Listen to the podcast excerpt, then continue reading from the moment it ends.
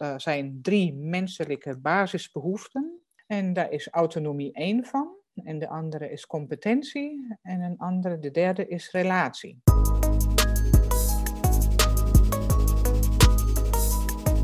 Wat fijn dat je luistert naar de podcast Hoogbegaafd en Liefdespijn, gemaakt door Suzette Lemmers. Ik neem jullie mee op mijn speurtocht naar antwoorden op hoe het is om als hoogbegaafde liefdespijn te ervaren. Als hoogbegaafde wil je vaak rationeel dingen oplossen. Kan dat ook met liefdespijn? Is de bedrading van het brein van de hoogbegaafde anders, waardoor je liefdespijn heftiger ervaart? Dus antwoorden op het gebied van hoogbegaafdheid en liefdespijn en de dingen die hiermee kunnen samenhangen, zoals hooggevoeligheid, trauma en narcisme. Iedere week inspirerende interviews, waardevolle inzichten over wat liefdespijn kan zijn en praktische tips hoe jij als hoogbegaafde met jouw liefdespijn om kunt gaan, zodat er weer liefde in jouw leven kan stromen. Welkom Suzanne, welkom uh, bij mijn uh, podcast Hoogbegaafde en Liefdespijn. Vandaag ga ik met jou in gesprek en uh, jij bent onder andere eigenaar van Praktijk Bovenwater. En je hebt een scriptie geschreven over intense autonomie bij hoogbegaafde kinderen. Nou ja, voor, wat voor hoogbegaafde kinderen geldt, geldt ook voor hoogbegaafde volwassenen. Nou, daar gaan we straks verder over spreken. En fijn dat je te gast wil zijn. En zou je je kort willen introduceren in hoeverre dat kan als hoogbegaafde? ja, nou, hartelijk dank dat ik uh, mee kan doen in jouw reeks uh, van podcast Liefdespijn en Hoogbegaafd. Ik ben Susanne Smit en ik heb twee kinderen, ben gescheiden na twintig jaar lang een relatie gehad te hebben en heb besloten op uh, ja, eigenlijk uh, 50-jarige leeftijd nog een keer te studeren. En uh, binnen een wens gevolgd die ik eigenlijk ken sinds dat ik um, nou, begin twintig was. En um, ik heb gerealiseerd dat ik me eigenlijk altijd van jong aan af wilde inzetten voor het recht van kinderen, voor de emancipatie van het kind.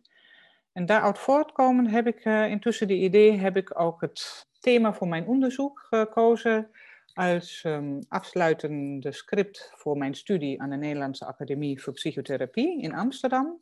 En heb uh, over autonomiebehoeften geschreven van vermoedelijk, oftewel hoogbegaafde kinderen. Om een goede reden. Mooi. uh, er zijn een aantal kenmerken voor hoogbegaafden. En onder andere de intense autonomie. En jij hebt daarover een studie gedaan voor uh, hoogbegaafde kinderen. Kan je er wat meer over vertellen? Hoe je, ja, wat, wat eruit naar voren gekomen is? Ja, dat is een, een hele complexe vraag natuurlijk. Ja. en um, ja, wat altijd voorwaarde is voor ieder onderzoek, uh, om te beginnen, is het te klein mogelijk te houden. Juist, um, maakt niet uit welke uh, thema je kiest.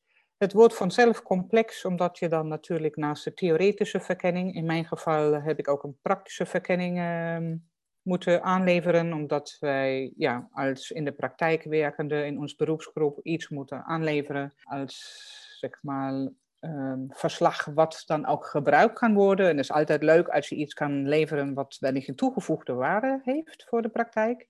Belangrijk is dat ik hoogbegaafdheid gekozen heb, omdat ik ja, ook op latere leeftijd achtergekomen ben dat ik dat wellicht zou kunnen zijn. Ik ben nooit getest. Ik ben wel uh, tegen zoveel dingen aangelopen in mijn leven en wist eigenlijk uh, dat mijn vader bij deze groep zou kunnen horen, maar wist nog niet dat als je ouders het zijn, dat de kans groot is dat je als kind daar ook iets van hebt meegekregen. Dan heb ik uh, tussen mijn uh, studie in een um, opleiding gevolgd voor, als professional voor hoogbegaafdheid, maar niet zozeer was die aanleiding dat ik precies wist dat ik dat ben of wil doen. Gaanderwijze eigenlijk heb ik zo ontzettend waardevolle kennis opgedaan tijdens deze opleiding, dat ik dacht, huh, dat ben ik. En ja. um, daardoor heb ik mij ontzettend verdiept, nog extra in dit thema. En heb ook gemerkt dat uh, in mijn praktijk, die ik um, ben opgestart, kinderen zag voorbij komen ja, waarmee ik een klik had, een herkenning, waar ik nooit echt wist wat dat is. Ik had gedacht namelijk heel lang, ik ben, heb expertise op het gebied van buitenbeentjes. En dat klopt, maar uh, nu weet ik ook op welke buitenbeentjes. En dat is één hoofdkenmerk van hoogbegaafdheid. Daarom heeft het ook een, beetje beladen. Ja, is het een woord wat beladen is hoog, klinkt altijd naar beter. Maar in dit geval is het eigenlijk een technisch begrip van ja, dat het, als je het over een bepaald um, uh, onderwerp hebt, zoals intelligentie, intellect, dan is bij hoogbegaafdheid gewoon inherent dat die intellect hoger is dan gemiddeld in de bevolking. Dat kan je onderzoeken. Maar dat is alleen één moment. En um, hoogbegaafdheid is veel meer dan alleen de intellect. Het, is, uh, het kleurt jouw hele mens zijn in. En deze kennis, deze wetenschap, dat is voor veel mensen of niet bekend, of ze willen het niet kennen. Iedereen heeft een goede reden. Maar het is in ieder geval, heb ik besloten, de moeite waard het steeds weer te benoemen, in welke vorm dan ook. En als je kennis hebt, bij andere dingen zijn we daar sneller mee eens, dan kan je wellicht, in mijn geval, ook uh, kinderen en ouders sneller helpen. Ja, en hoe werkt dat uh, intense autonomie bij uh, hoogbegaafde kinderen en bij hoogbegaafde volwassenen? Ja, dat is um, ook belangrijk om te weten dat over alles waar wij hier nu spreken, dat is geldig voor ieder mens. Ieder mens heeft uh, behoefte onder andere autonoom te zijn en niet autonoom, daar kan je alleen weer een onderzoek over schrijven, autonoom om uh, alles zelfstandig te doen of uh, ja, helemaal niet in verbinding te treden met anderen of de omgeving. Daar gaat het niet om. Autonomie, zo heb ik het ook gedefinieerd in mijn onderzoek, gaat het om een soort zelfverwezenlijking. Verwezenlijking, dat is een moeilijk woord voor mij als Duitser, maar um, dat je eigenlijk je zo kan ontwikkelen hoe je wil zijn. Deze behoefte inherent voor alle mensen, voor alle leven sowieso. Maar in dit geval hebben we het over mensen. En er is een theorie die dat heel mooi over jaren heeft onderzocht en beschreven in een model. Dat, uh, nou, daar zijn drie menselijke basisbehoeften. En daar is autonomie één van. En de andere is competentie. En een andere, de derde, is relatie.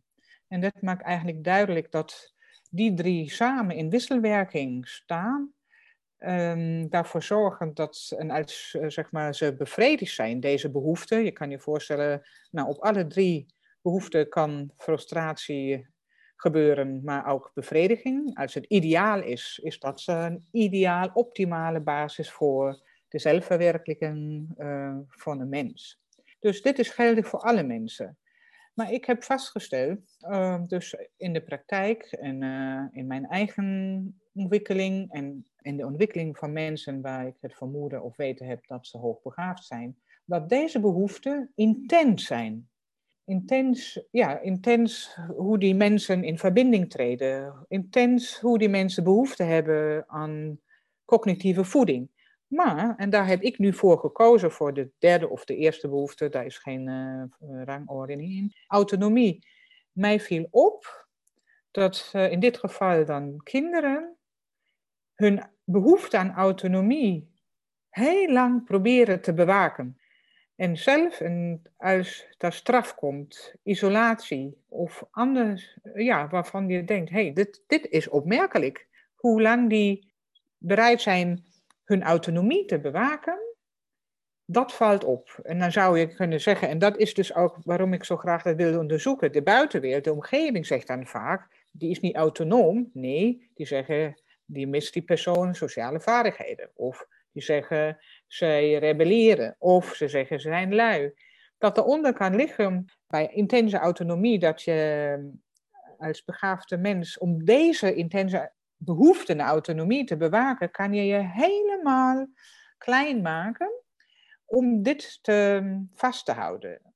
En ik heb vastgesteld, als dit echt breekt, ook dit, deze behoefte, naast, nadat de verbinding, wellicht op school, met de leerkracht is verbroken, of met de ouders het niet lekker loopt. En als de, zeg maar, nou dat hoor je intussen natuurlijk heel vaak, dat ja, dat de leerroute niet aansluit aan de cognitieve behoeften van iemand die buiten gemiddeld is. Dat is alles al tragisch. Maar als de, autonomie, de behoefte naar autonomie sorry, is uh, gebroken, dan eigenlijk gaat iets uit aan kracht. Nou, voor alle mensen is dat een drama, maar voor hoogbegaafden is dat intens, wordt het intens beleefd. En dit is, naar mijn idee onder andere, een reden dat deze kinderen, wat betreft naar school gaan, ook weigeren. En bij de thuiszitters een aanzienlijke groep uh, uitmaken, onder andere. Ja, want kan je eens een voorbeeld geven hoe dat dan uh, blijkt? Want echt thuis zitten van school, dat is natuurlijk een heel extreem voorbeeld. Maar zou je een ander voorbeeld kunnen geven van hoe die intense autonomie naar buiten komt? Of bij volwassenen of bij kinderen? Ja, um, dan moet ik even nadenken. Een concreet voorbeeld. Nou ja, ik kan eigenlijk, dat is dat voorbeeld wat ik ook in mijn script heb gebruikt. Uh, mij viel op. Um, dan neem ik nu een concreet voorbeeld van een jongen die toen zes jaar oud was en bij mij werd aangemeld in de praktijk met uh, ja, allerlei problemen op school. En um, hij werd gepest en hij uh, ging niet meedoen met de lessen of nou wat ouders heel veel zorgen maakt, en dat hoor ik dus ook vaak, is dat hij bijvoorbeeld dingen die hij cognitief kon voordat hij naar school ging, opeens niet meer deed. Nou, in ieder geval, die kwam. En um, ja, en in mijn praktijk, die is ingericht uh, ja, uh, op kinderen in de leeftijd uh, 4 tot en met 12 jaar. Dus daar zijn heel veel speelgoed, boeken. Je kan van alles doen. Dat hoort een beetje bij de manier hoe ik werk. En die jongen kwam en uh, ik hoorde ook van ouders nog, is misschien belangrijk, om, uh, dat hij ook niet gezien wordt bij de zwemles. En uh, ja, nou, hij wordt geplaagd, gepest en uh, ze hadden het heel zwaar. En ik zag een jongen die begon te spelen en um, ja, om het heel concreet te maken, hij wilde een, een autolooping opbouwen met matchbox-auto's. En wat deed hij? Hij pakte de spullen die daarvoor waren en um, vroeg om een ladder. En dan ging hij aan het plafond loopings ophangen. Maar nergens was eigenlijk een straat uh, die naar die looping uh, leidde. Nu kan je zeggen, nou ja, origineel, fantasie, dat klopt. Maar zo gebeurden allerlei dingen waarvan ik opeens waarnam. Als dit nu andere mensen zouden zien, dan hadden die een mening, bijvoorbeeld. Nou, hij kan nou, hij, hij bouwt helemaal geen straat. Gek, hè? Hoe kan dan dat auto in die looping komen? En we hebben, hij heeft andere dingen uh, gepakt waarvan ik dacht, hij heeft de gebruiksaanwijzing niet gelezen, maar hij kon opeens een um, soort puzzel leggen. Nou, op een niveau waar hij drie niveaus die eigenlijk van eenvoudig en dan gevorderd en dan komt expert, ik weet het niet, maar uh, hij hoeft het niet eens te lezen. En um, dat viel me op. En wat ik ook heel opvallend vond was, nou, we gingen dingen doen uh, samen en hebben we uh, bijvoorbeeld ook pannenkoeken gebakken. En nou, daar ging van alles mis. En ik merkte, hij betrok mij helemaal niet in zijn verhaal. Die waanzinnig creatief en opvallend uh, fantasievol was en oplossingsgericht. En um, ik heb me af en toe ingebracht. Ik zeg, ik ben hier ook om te kijken hoe dat is, hoe hij uh, met de omgeving in verbinding staat. Nou, en dan kreeg ik weer een commando. Fakt is dat ik uh, heb vastgesteld, denk ik, hé, hey, je kan van alles wat ik heb gezien in de praktijk iets vinden wat ergens ook zou kunnen passen in een gedragsprobleem of iets anders. Maar eigenlijk kan je ook zien dat hij heel autonoom, dat hij de ruimte voor mijn praktijk kon gebruiken om te zijn wie hij wilde zijn. Omdat ik hem niet onderbrak, omdat hij zich kon gedragen, voelen, wellicht hoe hij wilde voelen.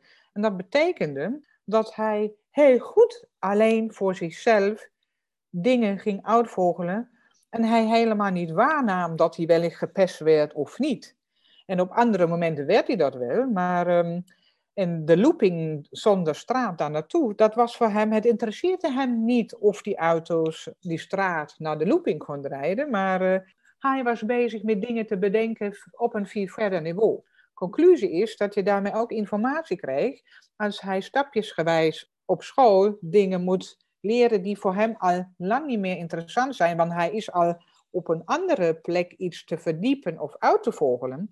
En hij heeft geen begeleiding, dus geen relatie basisbehoefte verbinding, nou, dan blijft hij nog heel lang dingen doen die hij wil doen. Dan wordt hij al gezien als iemand die zich verweigert, die zich isoleert, heeft hij weer een probleem. Nou, tot het moment dat hij niet meer weet, zich staande te houden. En dan breekt hij. Dit is een soort voorbeeld om uh, eigenlijk nogmaals wat iedere mens uh, doet of nodig heeft. Uh, de, de kernuitspraak in mijn onderzoek is eigenlijk die intensiteit van alles wat in het leven van een begaafde plaatsvindt. En die is zodanig dat hij zich als gedrag, als gevoel, als emotie, als gedachte weerspiegelt in de wereld.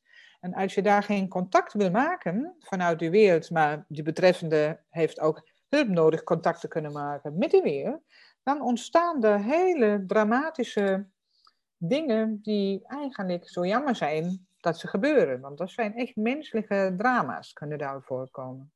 Ja, dus uiteindelijk heeft die, die, jongen van het, jouw voorbeeld heeft het wel heel lang volgehouden, maar je gaf aan, dan breekt hij.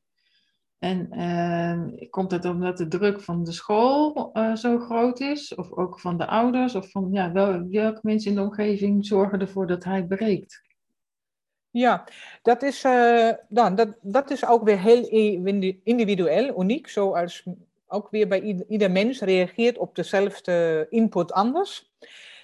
in dit geval bij de jongen was het zo dat school weigerde hem naar school te laten komen omdat uh, zij hadden het idee dat hij een gedragsstoornis heeft en niet leerbaar en dat niveau ook niet aan kan. Nou ja, dan kan je voorstellen, dan um, is natuurlijk voor ouders de nood uh, bijzonder hoog. Nou, dan wordt, nou, als niks meer gaat, dan kan je natuurlijk van school wisselen. Maar dit was intussen de derde school. Ik was dan betrokken ook bij gesprekken op school met interne begeleiders enzovoort. En ehm, nou, dit is nu weer, zeg maar, drie, vier jaar geleden.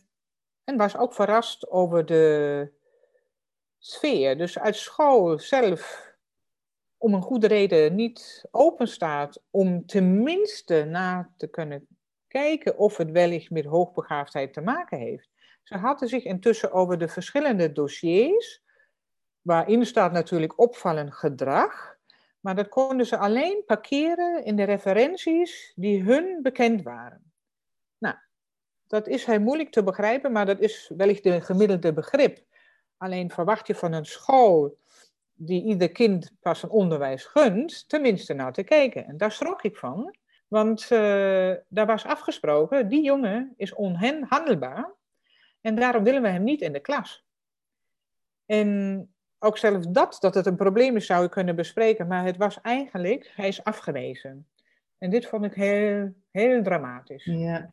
En nou ja, en zo, in dit geval heeft hij, is hij, heeft hij, om, is zelf niet gebroken, maar het kwam zeker niet ten goede van zijn zelfbeeld, neem ik maar aan. Maar um, dat is één mogelijkheid. Maar vaak zijn er kinderen die dan of somatisch zo sterke klachten tonen, daardoor reden hebben niet naar school te moeten. Of ook weigeren, en dan heb je een tweede, een volgende kenmerk voor hoogbegaafdheid en refereert ook aan die intense autonomie, autonomiebehoefte.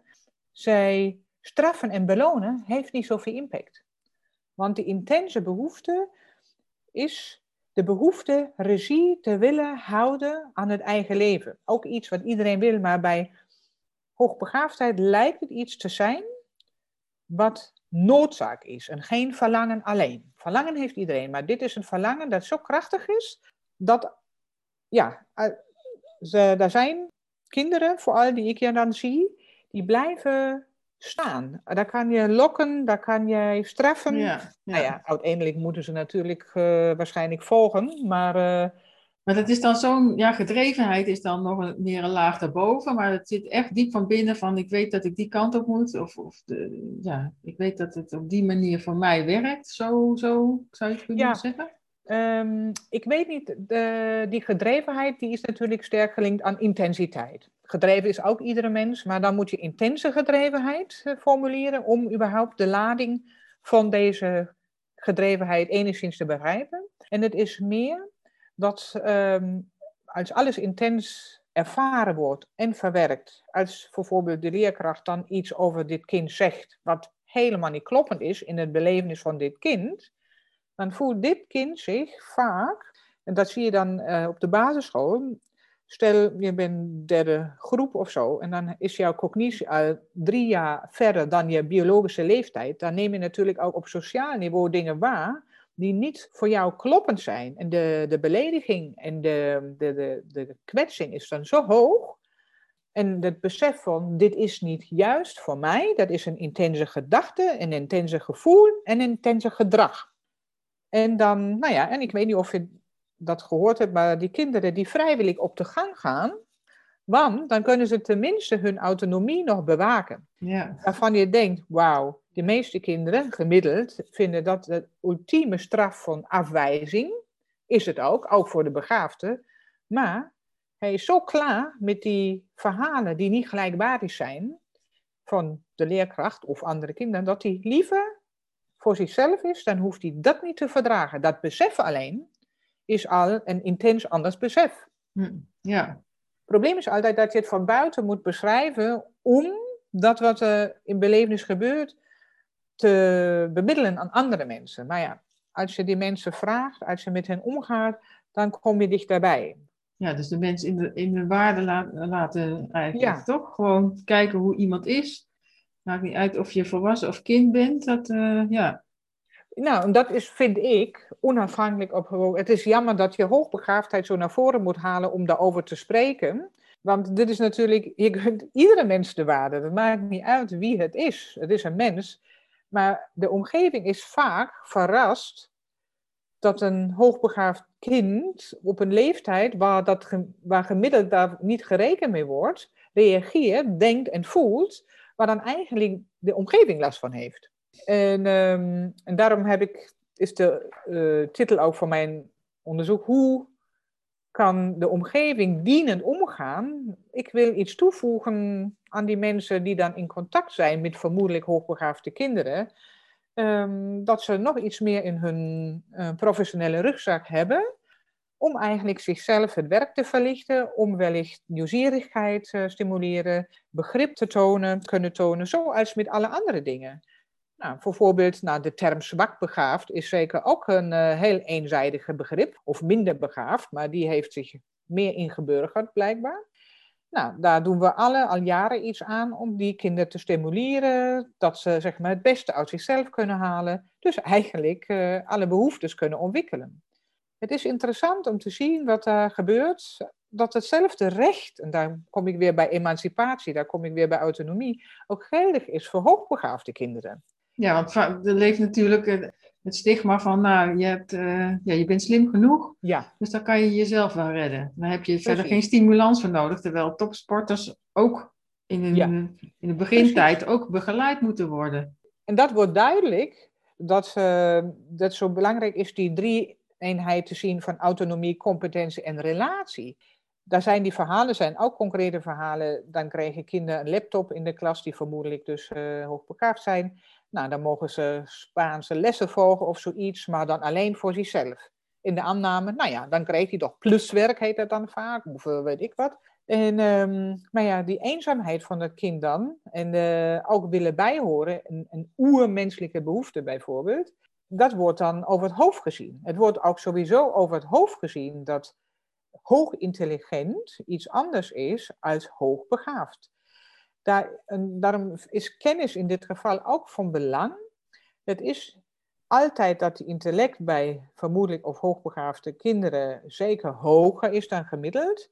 Maar dit alleen is niet beslissen om van hoogbegaafd. Hoogbegaafd kleurt jouw hele mens zijn in. En dat zie je. Uh, daar zijn lijsten ontwikkeld, signaleringslijsten. Een bekende is die van Irwin die, uh, waar je mooi een tegenoverstelling hebt van kenmerken van hoge intelligentie. En dan zie je kenmerken van hoogbegaafd, waar het in verschilt. Maar ja, dat moet iemand jou aanreiken. Je moet zelf nieuwsgierig zijn, iets meer daarover willen weten. Als je bijvoorbeeld zo'n kind voor je hebt. En als dat namelijk ook gebeurt, dan zie je opeens ontspante relatie. Dan is er bereidheid te kijken, hey, wat, uh, ook in een gelijkwaardig contact te treden met het kind wat heb je nodig, hoe kunnen we het doen? En dan ook weer concreet autonomiebehoeften. Stel je, het kind moet een opdracht, een spreekbeurt. Nou, er zijn kinderen die willen heel graag dat uh, de structuur duidelijk is, ze vullen alleen in. Met dit kind kan je afspreken, hoeveel tijd heb je nodig, hoe en wanneer wil je het doen? En dan geef je een kader, want natuurlijk, ja, met 30 kinderen bijvoorbeeld moet je een kader hebben wat werkend is voor de groep. Maar als je dan extra zeg maar, ruimte kan creëren voor een kind wat blijkbaar die behoefte heeft, dan heb je eigenlijk alles gedaan. Je hoeft helemaal niet compliceerd te reageren. Nee. Dus als je de vraag maar stelt van wat heb je nodig, ja. dan kom je al een goede, een goede richting. Dan kom je een heel eind. Ja. Als het, en dat is en precies heel goed dat je het vraagt, als die vraag oprecht is. Want de intense intelligentie, intense gevoel neemt feilloos waar of je dat vraagt vanuit, nou ja, uh, dan is weer rust in de klas, of dat je betrokken bent bij dat kind. Ja, en dat kom je ook vaak in de praktijk wel tegen. Dat, dat waarschijnlijk een juf of een meester heeft gevraagd van, uh, ik heb het toch gevraagd en, en wat heeft diegene nodig, hè, mijn, mijn leerling? Ja. Maar dan blijkt uh, in de praktijk dat er niet zo heel veel mee gedaan is.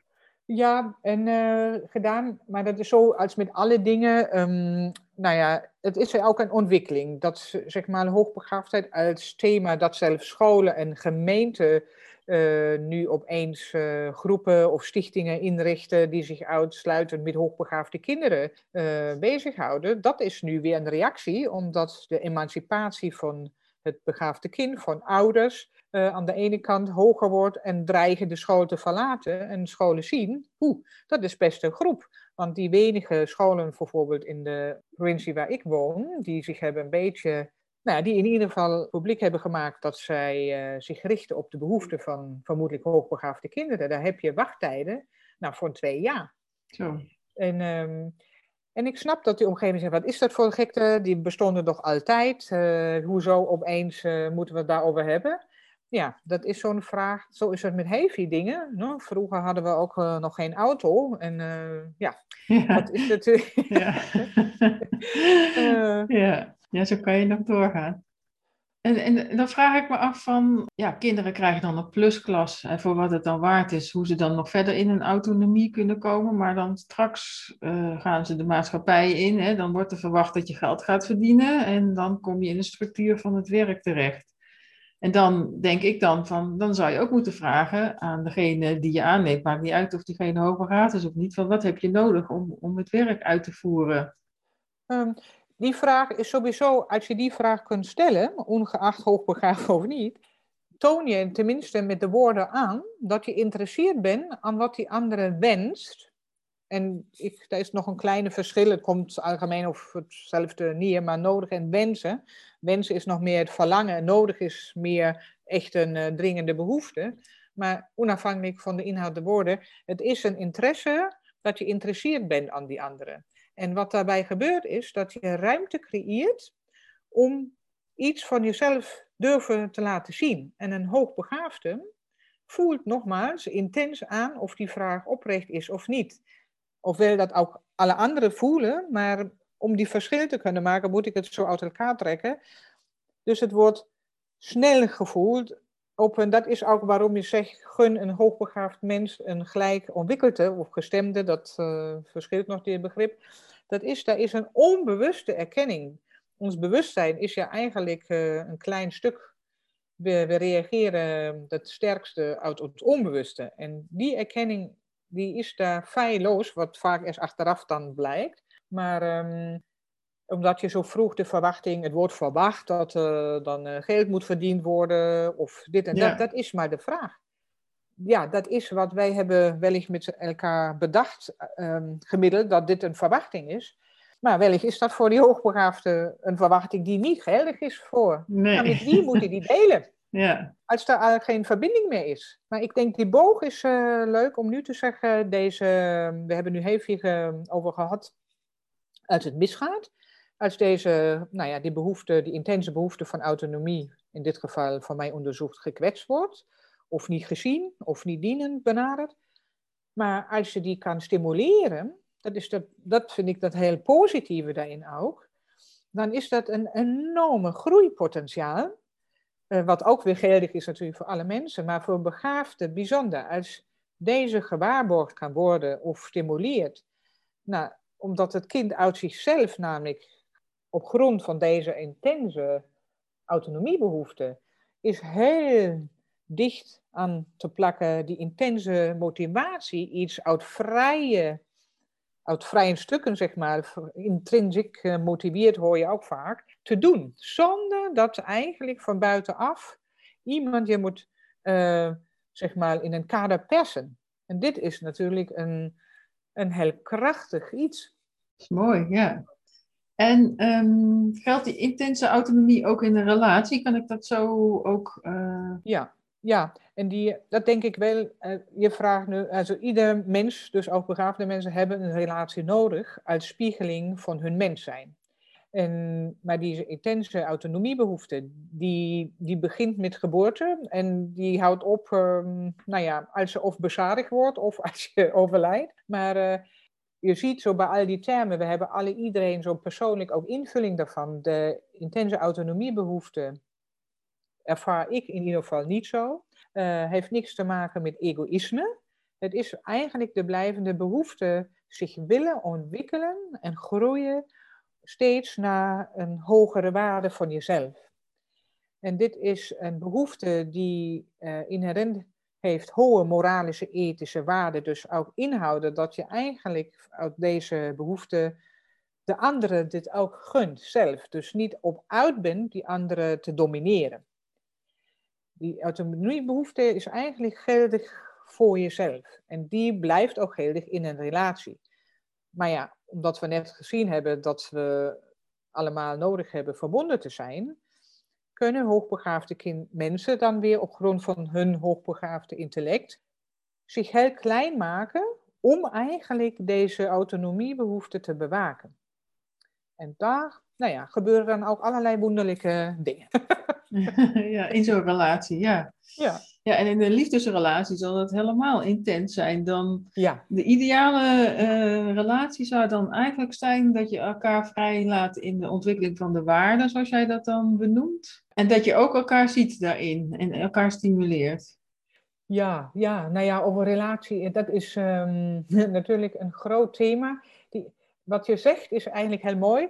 Want uh, zo drie overkoepelende karakteristieken die op dit moment uh, gebruikt worden om ook iets over hoogbegaafdheid te zeggen, zijn hoge intellect, intensiteit, die hebben we uitvoerig besproken, maar ook idealisme. Dus ik denk dat met een hoogbegaafde mens het, uh, ja, dat dat hele romantische, dat is nu een invulling voor mij, relaties kunnen zijn. En dat is de, ja, um, relatie met een hoogbegaafde mens sowieso intens is, maar zowel positief als negatief voor de andere als voor de begaafde zelf. Want ongeacht van de kenmerken speelt natuurlijk weer de persoonlijke biografie ook een grote rol, hoe deze menging van begaafdheid of criteria's van begaafdheid uh, ja, een unieke mens zijn en in dit geval een zelfbeeld, identiteit, dat zijn alles begrippen die daar voorbij komen, gevormd hebben. En die breng je mee in de relatie. Maar ik kan aanraden, als je bewust bent zelf dat je begaafd bent en kijk wat het voor jou betekent, wat het met je doet, je, dan ben je al een heel stuk verder om daarmee ook om te gaan in de relatie. In het geval dat je niet weet dat je überhaupt in een relatie bent als hoogbegaafd mens of wat dat voor je inhoud betekent, daar gaat het om. En dat andere is natuurlijk voor de, de partner of partnerin, of zij uh, weet van begaafd zijn zelf of van de anderen. Ja, dus eigenlijk ja, weet hoe je zelf in elkaar zit. Ja. Weet hoe je, waar jij zelf behoefte aan hebt. Ook weer geldig voor iedereen. Ja. Maar als je weet, als je begaafd bent, dat de intensiteit een van die dingen is die... Kijk, als jij liefdespijn hebt, hè, dat is uh, waar jij over gaat, dan kan je voorstellen voor begaafde mensen is deze potentieert. Hè? Wat vaak gebeurt, dat je vraagt op zo'n pijnscala van 1 tot 10, hoeveel pijn heb je? Nou, dan kan iedereen geeft er subjectief iets aan, maar het blijkt zo te zijn dat die intensiteit, en die is weer gekoppeld, hoe hoger de intellect, hoe hoger die intensiteit ook wellicht van um, gevoelens en emoties. Zijn kinderen bijvoorbeeld, nou, daar valt wellicht een Lego uh, blokje op je teen. Nou, dan zijn onderzoek, die kunnen reageren alsof ze echt, ik weet niet, uh, het mes in de rug hebben. Maar dat is niet, dan horen ze vaak, je bent een aansteller. Maar niemand vraagt, hoe komt het? Dat vind ik zo opvallend, want dat is niet gebruikelijk. Je reageert buitengewoon. Ja. Dan ben je weer nieuwsgierig en kan je een gesprek hebben. Dan kan je wellicht onderzoeken hoezo dit kind zo reageert. En uh, dat is dus bij liefdespijn ook. Nou, iemand anders zegt, nou, wat is dat, een sukkel? Hè? Dat, uh. en, uh, maar ja, een intense reactie kan zijn, dat het gaat tot mijn bot en nou ja, schuldgevoelen, loyaliteit. Alles wordt dan, komt in de beknelling. Ja. Ditje, heel mooi, zoals we het er nu over hebben. Um, nou, een hele persoonlijke vraag aan jou van, heb je wel eens liefdespijn ervaren? Um, ik denk, uh, gezien mijn leeftijd alleen, nou, dat, dat is onafhankelijk, dat hoeft niet, maar uh, um, ja, ik denk dat ik verschillende soorten liefdespijn heb ervaren, ja. En, en kan je dat met ons delen, hoe je daarmee, ja, hoe dat voor je voelde en, en hoe je daarmee bent omgegaan? Ja, ik heb eigenlijk, wat ik eerder al zei, Totdat ik uh, onder andere dat puzzelstuk van wellicht begaafdheid heb ontdekt voor mezelf en besloten dat dat bij me hoort. Dat, het dwingt me niemand toe, maar dat heeft me ontzettend geholpen. Heeft die dingen in mijn leven achteraf te kunnen begrijpen, integreren, maar ook in het actuele hier en zijn te doen wat kloppend voelt. Dat is zo'n gevoel van congruent volledig zijn.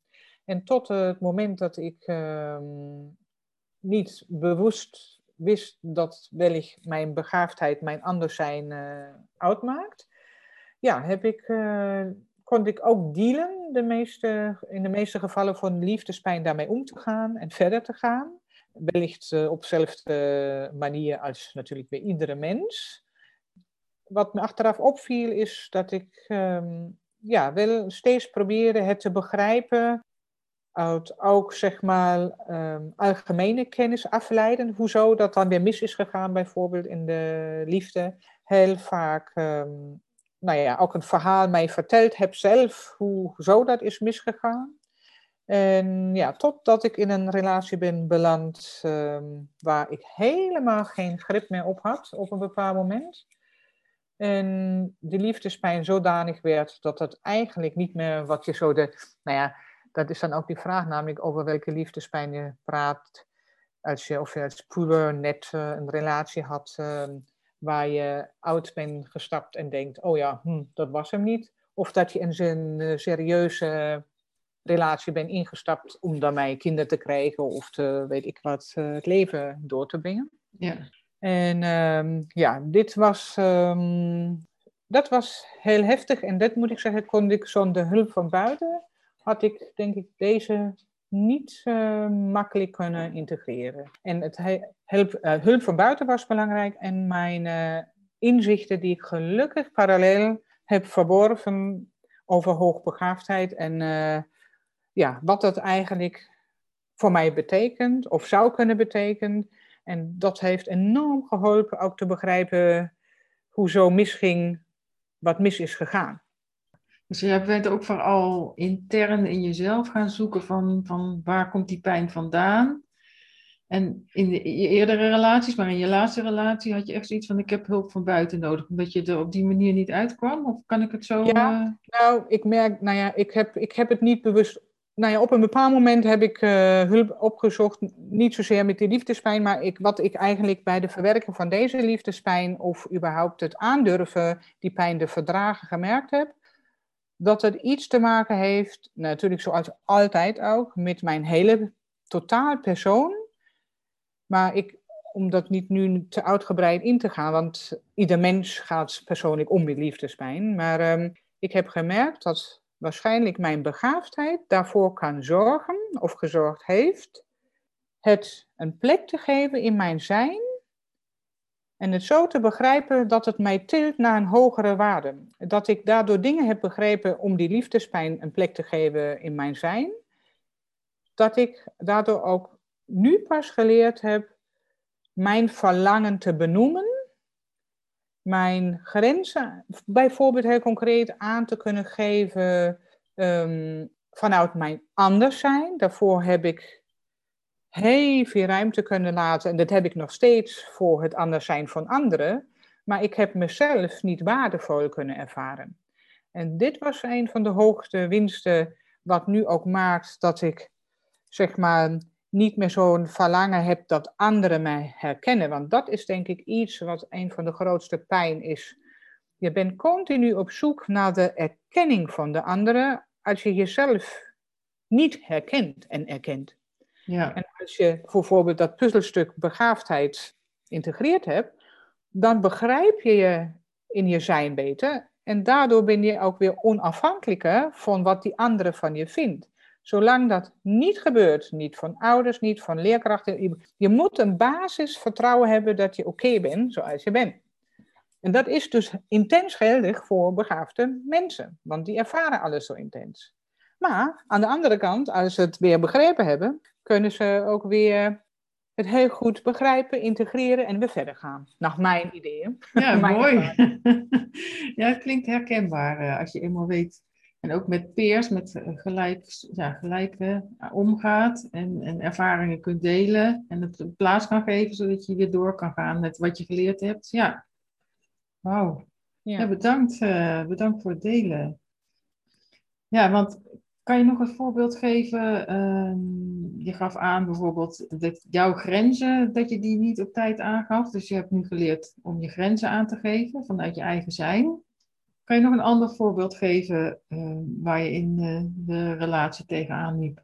Ja, um, en daar is misschien de toevoeging nog interessant, omdat ik merkte uit als ik het daarover had.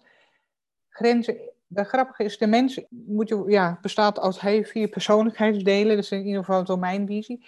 Ik kan op bepaalde gebieden kan ik heel goed grenzen aangeven.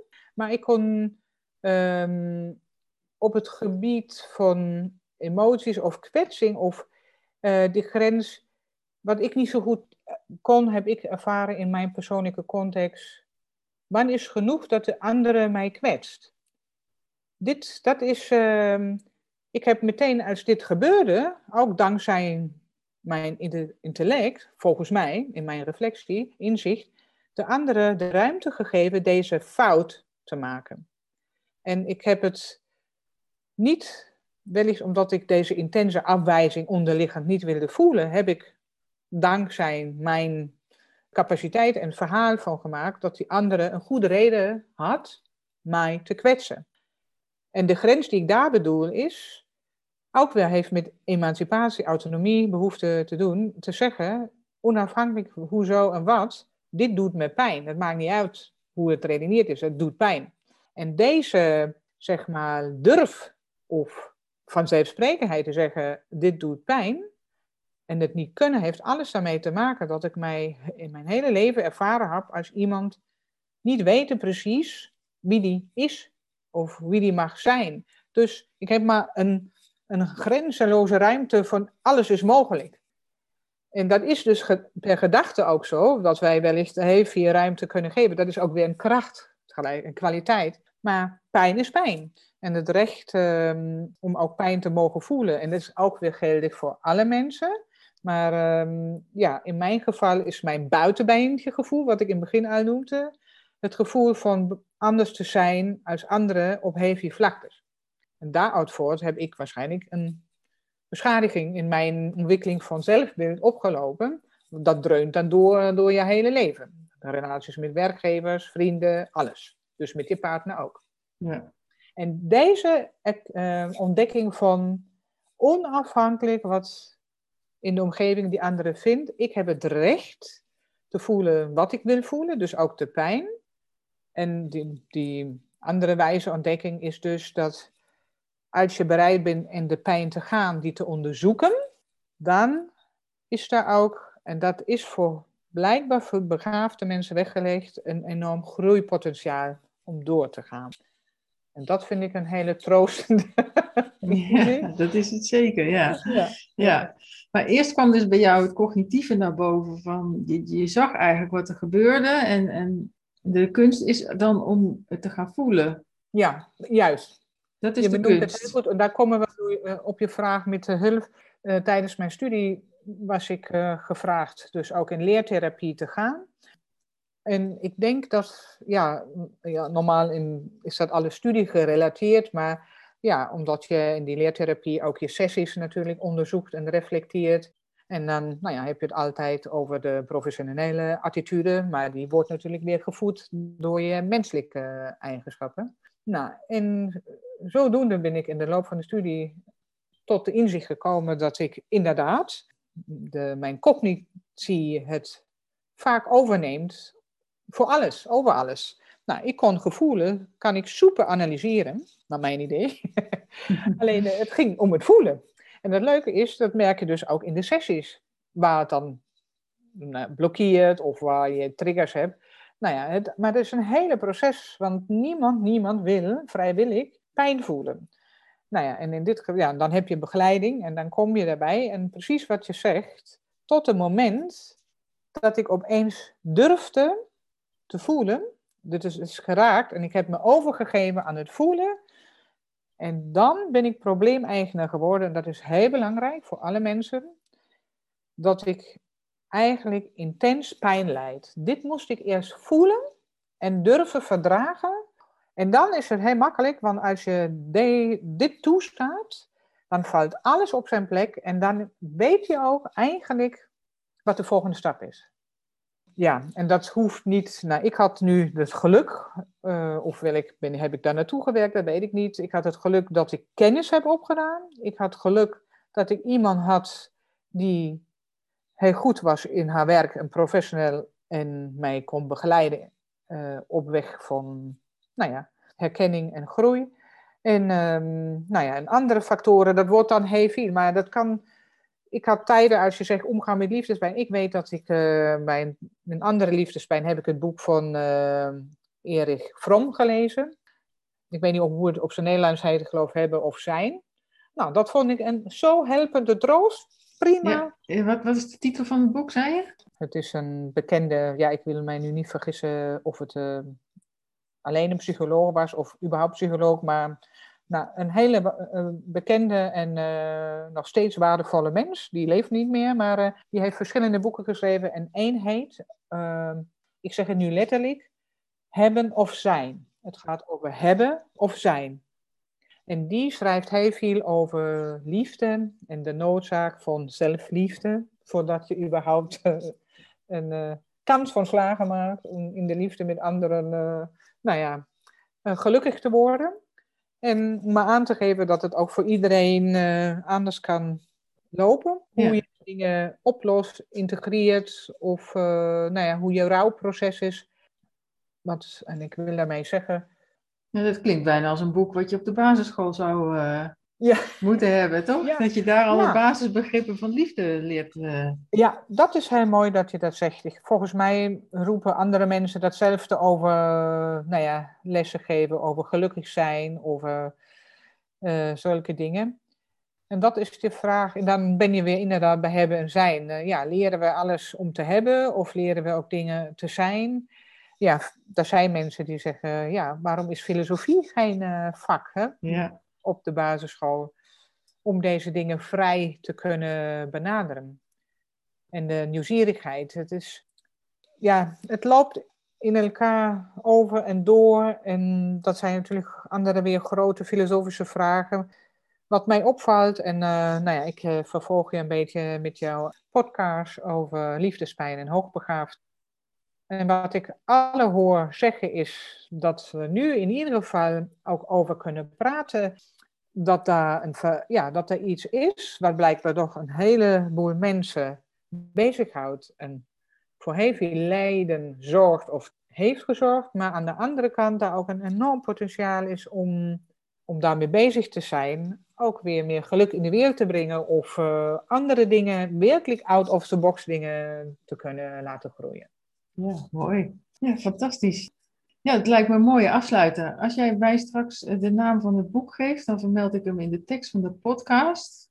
Ja, mochten mensen naar aanleiding van ons interview jou willen contacten, waar, uh, wat is de naam van je website?